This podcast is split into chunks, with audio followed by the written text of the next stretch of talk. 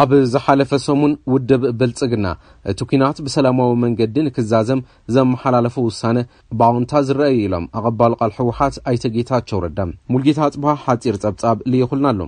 ኣባል ኮሚቴ ፈፃሚ ስራሕ ህወሓትን ኣቐባሊ ቃል እቲ ውድብን ኣይተ ጌታቸው ረዳ ኣብ እዋናዊ ጉዳይ ጠሚቱ ኣብ ዝሃብዎ መግለፂ እቲ ኲናት ብሰላማዊ መንገዲ ንክዛዘም ኣቐዲሙ እውን መንግስቲ ትግራይ ድልው እዩ ነይሩ ድሕሪ ምባል፣ ውድብ ብልፅግና እቲ ኲናት ብሰላማዊ መንገዲ ንምፍታሕ ውሳነ ምሕላፉ ብኣወንታ ዝረኣ እዩ ብምባል ገሊፆም። በቲ ብልፅግና ፓርቲ ብዝተወሰነ ደረጃ ከምቲ ዝተብሃለ እቲ ኲናት ብሰላም ክውዳእ ድሌት ኣለኒ ምባሉ ሓደ ኣወንታ ተገይሩ ክውሰድ ይኽእል እዩ።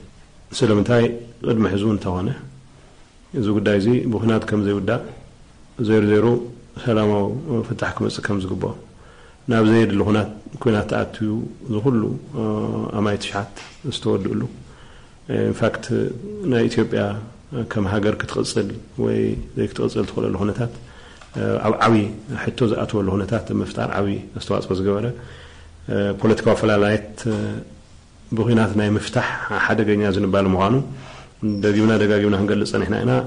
ሕዚ እውን እንተኾነ ናይ ብሓቂ እዚ ጉዳይ እዚ ተሰቊሩዎም ዝሃብዎ መብርሂ እንተኾይኑ ከምቲ ዝበልክዎ ከም ኣወንታ ክውሰድ ይኽእል እዩ።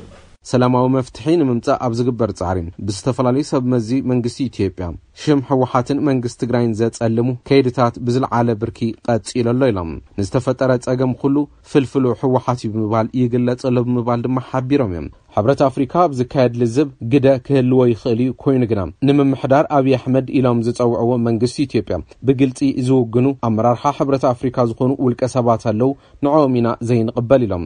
ብኽልቲኡ ወገን ተቐባልነት ዘይብሉ ኣደራዳሪ ድማ ክኸውን ኣይኽእልን ብምባል ገሊፆም።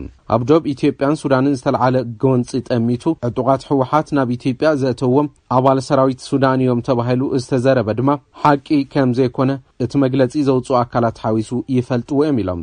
ህዝብን መንግስትን ሱዳን መሬትና እዩ ኢሎም ዝኣምንዎ ንከመልሱ ህወሓት ይኹን ናይ ኻሊእ ኣካል ድጋፍ ኣየድልዮምን ዝበሉ ኣይተ ጌታቸው ረዳ እቲ ፀገም ብሰላማዊ መንገዲ ጥራሕ ክፍታሕ ኣለዎ ኢልና ንኣምን ኢሎም። በዓል ውዕለታ ህዝቢ ትግራይ ዝኾነ ህዝቢ ሱዳን ድማ ፀገም ክበፅሖ ስለዘይንደሊ እዩ ክብሉ እዮም ኣይተ ጌታቸው ረዳ ዝሓበሩ። ንድምፂ ኣሜሪካ ሙልጌታ ኣፅበሃ መቐለ።